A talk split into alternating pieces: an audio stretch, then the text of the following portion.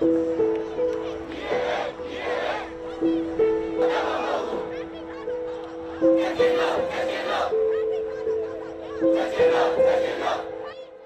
ကနေ့ຫນွေဦးတော်လန်ရေးစတင်ခဲ့တာဟာစေအုပ်စုအာဏာသိမ်းတာကြောင့်စတင်ခဲ့တာဖြစ်ပါတယ်။ဒါပေမဲ့စစ်တပ်အာဏာသိမ်းတာတခုတည်းကြောင့်လားလို့ဆိုရင်လည်းမဟုတ်ပါဘူး။နိုင်ငံမှာလက်နက်နဲ့အာဏာနဲ့ဘူကြစိုးမိုးနေတဲ့အာဏာရှင်စနစ်ကိုအပီးတိုင်ဖယ်ရှားဖို့အတွက်အာဏာသိမ်းမှုဟာ စတောက်တဲ့မိတော့လို့တုံနှုံခိုင်းနိုင်ရမှာဖြစ်ပါတယ်။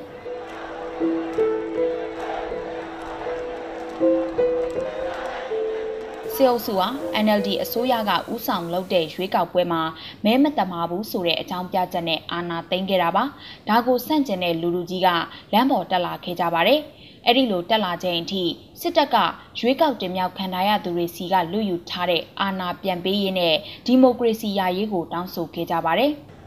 အဲ့ဒီလိုအချိန်မှာဆန္ဒပြသူတွေဘက်ကကြွေးကြော်တန်တွေဟာအမျိုးစုံတစ်ထက်ဆုံလာခဲ့ပါတယ်။ရုံးမတက်နဲ့ရုံးထွက်ဆိုတဲ့စစ်အာဏာရန်ရာမလဲပတ်ရေးလှုံ့ဆော်မှုတွေရှိခဲ့သလိုငါတို့အာဏာငါတို့ပြန်ပေးဆိုတဲ့အတန်တွေညံလာခဲ့ပါတယ်။ ဆန္ဒပြမှုတွေအားကောင်းတဲ့ထက်အားကောင်းလာချိန်မှာတော့2020ရွေးကောက်ပွဲမှာမဲအများဆုံးရပြီးနိုင်ခဲ့တဲ့ပါတီဘက်ကလည်းဆန္ဒပြကြွေးကြော်တန်တွေထဲမှာသူတို့ပါတီကိုလူမှုမဲပေးခဲ့ကြောင်းကြွေးကြော်တန်တွေကိုထည့်သွင်းလာခဲ့ပါတယ်။ဒီကြွေးကြော်တန်ကြောင့်ဆန္ဒပြပြည်သူတွေကြားထဲမှာဝိဝါဒကွဲပြားမှုတွေတူရှုရာပန်းနိုင်တွေကွဲလာတဲ့အတွက်ဆန္ဒပြပြည်သူအဖွဲ့အစည်းအချင်းချင်းကြားမကြေလည်မှုတွေဖြစ်လာခဲ့ပါတယ်။ အဲ့ဒီမကြေလည်မှုဟာစစ်တပ်လိုချင်တဲ့လမ်းကြောင်းဖြစ်သွားနိုင်တဲ့အတွက်တချို့ဆန္ဒပြစစ်ကြောင်းတွေမှာဆိုရင်အဲ့ဒီကြွေးကြော်တန်တွေကိုမတိုင်မဲထားခဲ့သလိုတိုင်တဲ့သူရှိရင်နောက်နောက်ကထောက်ခံသူမရှိခဲ့တာမျိုးတွေရှိခဲ့ပါတယ်။ຫນွေဦးတော်လိုင်းရေးဟာဘာယောင်ညာယောင်အတွက်မဟုတ်ပါဘူး။နိုင်ငံမှာလက်နက်နဲ့အင်အားနဲ့ဗိုလ်ကျစိုးမိုးမှုကိုတွန်းလှန်တဲ့တိုက်ပွဲသာဖြစ်တဲ့ဆိုတာကိုအယောင်တောက်တထက်တောက်ပြောင်တထက်ပြအောင်တွန်းတင်ခဲ့ပါတယ်။လူလူဟာ ဘသူကိုမဲပေးရွေးချယ်ခဲ့တဲ့ဆိုတာထက်သူတို့ပေးခဲ့တဲ့မဲကိုလေးစားဖို့ဆိုတာကိုတောင်းဆိုခဲ့သလိုစစ်ဝါဒီနဲ့အာဏာရှင်စနစ်မှန်သမျှခြုံငင်းရေး Federal Democracy ပြည်ထောင်စုဖြစ်ထွန်းရေးကိုတိုက်ပွဲတောင်းဆိုချက်အဖြစ်ပထမရိုက်ခဲ့ကြပါတယ်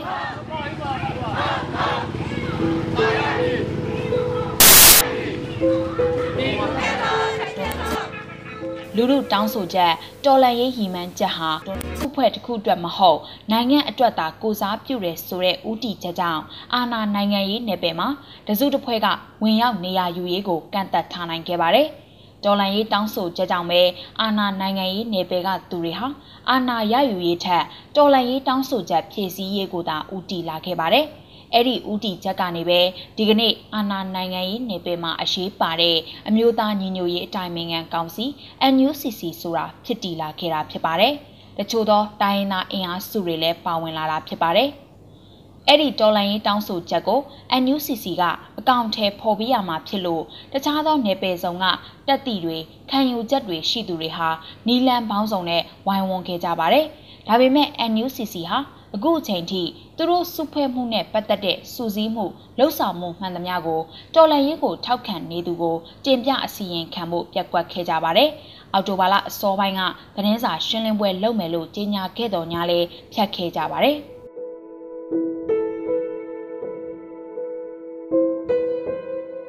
စစ်အုပ်စုဟာအာဏာသိမ်းပြီဆိုတာနဲ့နိုင်ငံအကြီးအကဲနဲ့အာဏာရပါတီအကြီးအကဲတွေကိုဖမ်းဆီးထိန်သိမ်းခဲ့ကြပါတယ်။အဲ့ဒီနည်းတူ တခြားသောအဆင့်ပါတီဝင်တွေကိုလည်းထိမ့်သိမ်းခဲ့ပါတယ်။အာဏာသိမ်းတာဟာအာဏာရပါတီကဥဆောင်ပြုလုပ်တဲ့2020ရွေးကောက်ပွဲမှာမဲမတမာမှုတွေရှိတာကြောင့်လို့အကြောင်းပြခဲ့ပါတယ်။ဒါပေမဲ့တရားစွဲတဲ့အခါမှာတော့ဒီအကြောင်းပြချက်နဲ့မဆိုင်တဲ့ဥပဒေပုံမှားတွေနဲ့တရားစွဲဆိုခဲ့တာပါ။အဲ့ဒီလိုဖမ်းဆီးထိမ့်သိမ်းတရားစွဲဆိုခဲ့တဲ့နေရာမှာ NLD ပါတီတခုတည်းကသူတွေကိုသာဥတီလှုပ်ဆောင်ခဲ့ပြီးရွေးကောက်ပွဲမှာပါဝင်ခဲ့တဲ့တခြားသောပါတီတွေအနိုင်ရကိုယ်စားလှယ်တွေကိုတော့လက်ဆောင်ထားခဲ့ပါတယ်။စေအုပ်စုဟာ NLD ပါတီခေါင်းဆောင်တွေနဲ့အနိုင်ရကိုယ်စားလှယ်တွေပါတီဝင်တွေကိုတစ်ဖက်ကဖမ်းဆီးထိန်သိမ်းတရားစွဲဆိုသလိုတစ်ဖက်မှာလည်းတော်လန်ရေးနဲ့မပတ်သက်ဘူးဆိုတဲ့ခံဝန်ထိုးခိုင်းပြီးလွတ်ပေးထားသူတွေလည်းရှိခဲ့ပါတယ်။ ဒါဟာစစ်အုပ်စုပါတီတစ်ခုတည်းကိုဦးတည်တဲ့နိုင်ငံရေးအာဏာသိမ်းမှုအာဏာလူရမှုကြီးပဲဖြစ်ပါတယ်။စစ်အုပ်စုနဲ့အာဏာရပါတီ NLD ကြားပြဿနာပုံစံဖြစ်အောင်ဖန်တီးထားခဲ့ပါတယ်။စစ်အုပ်စုဖမ်းဆီးမှုကြောင့်တိမ်းရှောင်နေတဲ့2020ရွေးကောက်ပွဲအနိုင်ရ NLD ကိုယ်စားလှယ်တွေနဲ့ပါတီဝင်တွေဟာတော်လှန်ရေးတောင်းဆိုချက်ကိုဖြည့်ဆည်းဖို့အတွက် NUCC ဆိုတာကိုတခြားသောနိုင်ငံရေးအင်အားစုတွေနဲ့စုဖွဲ့ခဲ့ပါတယ်။ တိုင်းရင်းသားအင်အားစုတွေနဲ့ထိတွေ့ဆက်ဆံမှုတွေလုပ်ခဲ့ပါတယ်။အဲဒီနည်းတူနိုင်ငံတကာအတိုင်းဝိုင်းနဲ့ချိတ်ဆက်လုပ်ကိုင်တာတွေရှိခဲ့ပါတယ်။ဒါအပြင်လူလူကမဲပေးခဲ့သူတွေဆိုတဲ့တရားဝင်မှုကိုကင်ဆွဲပြီးပြည်ထောင်စုလွှတ်တော်ကိုစားပြုကော်မတီ CRPH ကိုဖွဲ့စည်းခဲ့ပါတယ်။ CRPH ဆိုတာကတနည်းပြောရရင်တော့2020ရွေးကောက်ပွဲအနိုင်ရ NLD ပါတီကိုယ်စားလှယ်တွေကြီးလို့လို့ပါဝင်တဲ့အဖွဲ့တစ်ခုလည်းဖြစ်ပါတယ်။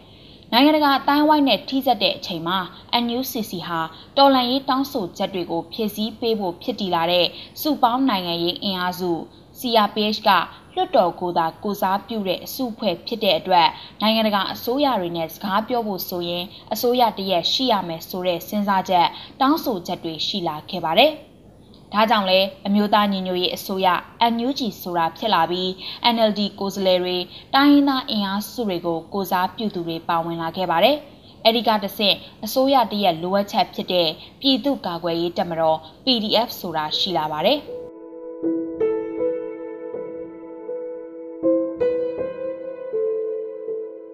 ပြည်တွင်းပြည်ပနိုင်ငံရေးအခင်းကျင်းကပြင်းထန်မှုတွေရှိလာချိန်မှာစစ်အုပ်စုက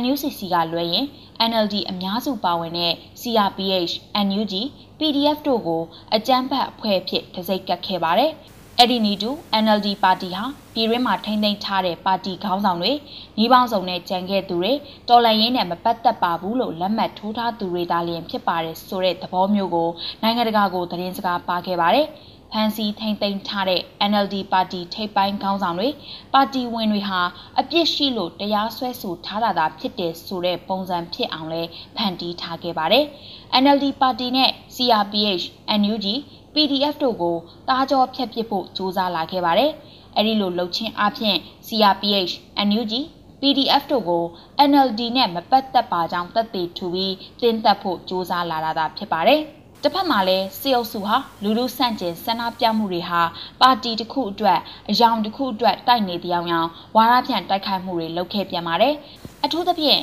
NLD လို့သူတို့အတိအမှန်မပြုတဲ့ CRPH NUG ကစစ်စော်မှုကြောင့်ဖြစ်တဲ့ဒီအစုအဖွဲ့ကအာဏာလိုချင်မှုကြောင့်ဖြစ်တဲ့ဆိုတာမျိုးကိုပလက်ဖောင်းမျိုးစုံနီးလန်းစုံနဲ့ဝါဒဖြန့်ခဲ့ပါတယ်။ NLD ဟာပြည်တွင်းမှာရှိတယ်ဆိုတဲ့နိုင်ငံရေးဖဲကက်ကိုကိုင်ခေါင်းဆောင်ပိုင်းတွေကိုဖမ်းဆီးထိန်းသိမ်းပြီးသွေးခွဲတက်ရှိုနီးပေါင်းစုံနဲ့ရုပ်ကမ်းလာခဲ့ပါတယ်။ NLD ထောက်ခံသူနဲ့ CRPH NUG ကြားနိုင်ငံရေးခံယူချက်မတူညီကြသူတွေကြားမှာလဲစစ်အုပ်စုဟာခလောက်ဆန်မှုစဉ်ဆက်မပြတ်လှုပ်ဆောင်ခဲ့ပါတယ်။ဒီလိုခလောက်ဆန်ရုပ်တမ်းမှုကြောင့်လဲအထိုင်မခိုင်စိတ်ရိုင်သူတချို့ကြောင့်တော်လန်ရင်အင်အားစုတွေဘက်မှလဲအားနည်းမှုတွေရှိခဲ့ရပါတယ်။ ဒါပေမဲ့လူမှုသဘောထားတော်လှန်ရေးသဘောထားကိုစန့်ကျင်ရက်တီဖို့ဆိုတာမဖြစ်နိုင်ဘူးဆိုတာအာနာသိမ့်ပြီးကိုးလတာရှိလာတဲ့အချိန်မှာအတော်လေးလဲသဘောပေါက်နားလည်နေကြပြီလို့ဆိုရမှာဖြစ်ပါတယ်။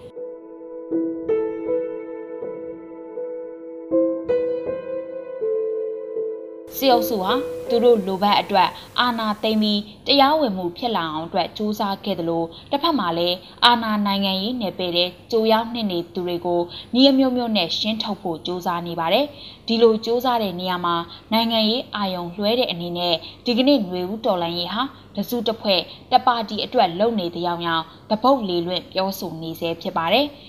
NLD ဆိုတာကိုကင်ပြီးစစ်အုပ်စုဟာနိုင်ငံရေးကစားကွက်တွေစတင်မှုလှုံ့ဆော်နေပြီဖြစ်ပါတယ်။ရွေးကောက်ပွဲကိုမြန်မြန်ကျင်းပပြီးပြည်တွင်း NLD နဲ့ပြည်ပက NLD ကဲတဲ့ CRPH, NUG တို့ကိုတားကြောဖြတ်ဖို့အတွက်လာပါလေအောင်မယ်။ဒါပေမဲ့ဒီကနေ့ပြည်တွင်းကပြည်ပမှာပါစစ်အုပ်စုစန့်ကျင်အာဏာရှင်စနစ်စန့်ကျင်နေတဲ့တော်လှန်ရေးသမားတိုင်းဟာစစ်အုပ်စုဆွဆွဲသလိုတချို့သောနိုင်ငံရေးသမားတွေတွတ်သွင်းသလိုအယောင်အတွက် ပါတီတစ်ခုအတွက်အစုအဖွဲ့တစ်ခုအတွက်တော်လှန်နေကြတာမဟုတ်ပါဘူးစစ်အာဏာရန်ရာကြီးပြတ်သုံးပြီးအာဏာရှင်စနစ်မှန်သမျှတိုက်ဖြတ်တိုင်းရင်းသားပြည်သူတရက်လုံးလိုလားတဲ့ Federal Democracy ပြည်ထောင်စုဖြစ်ထွန်းရေးဖြစ်တည်ရေးအတွက်တိုက်ပွဲဝင်နေကြတာဖြစ်ပါတယ်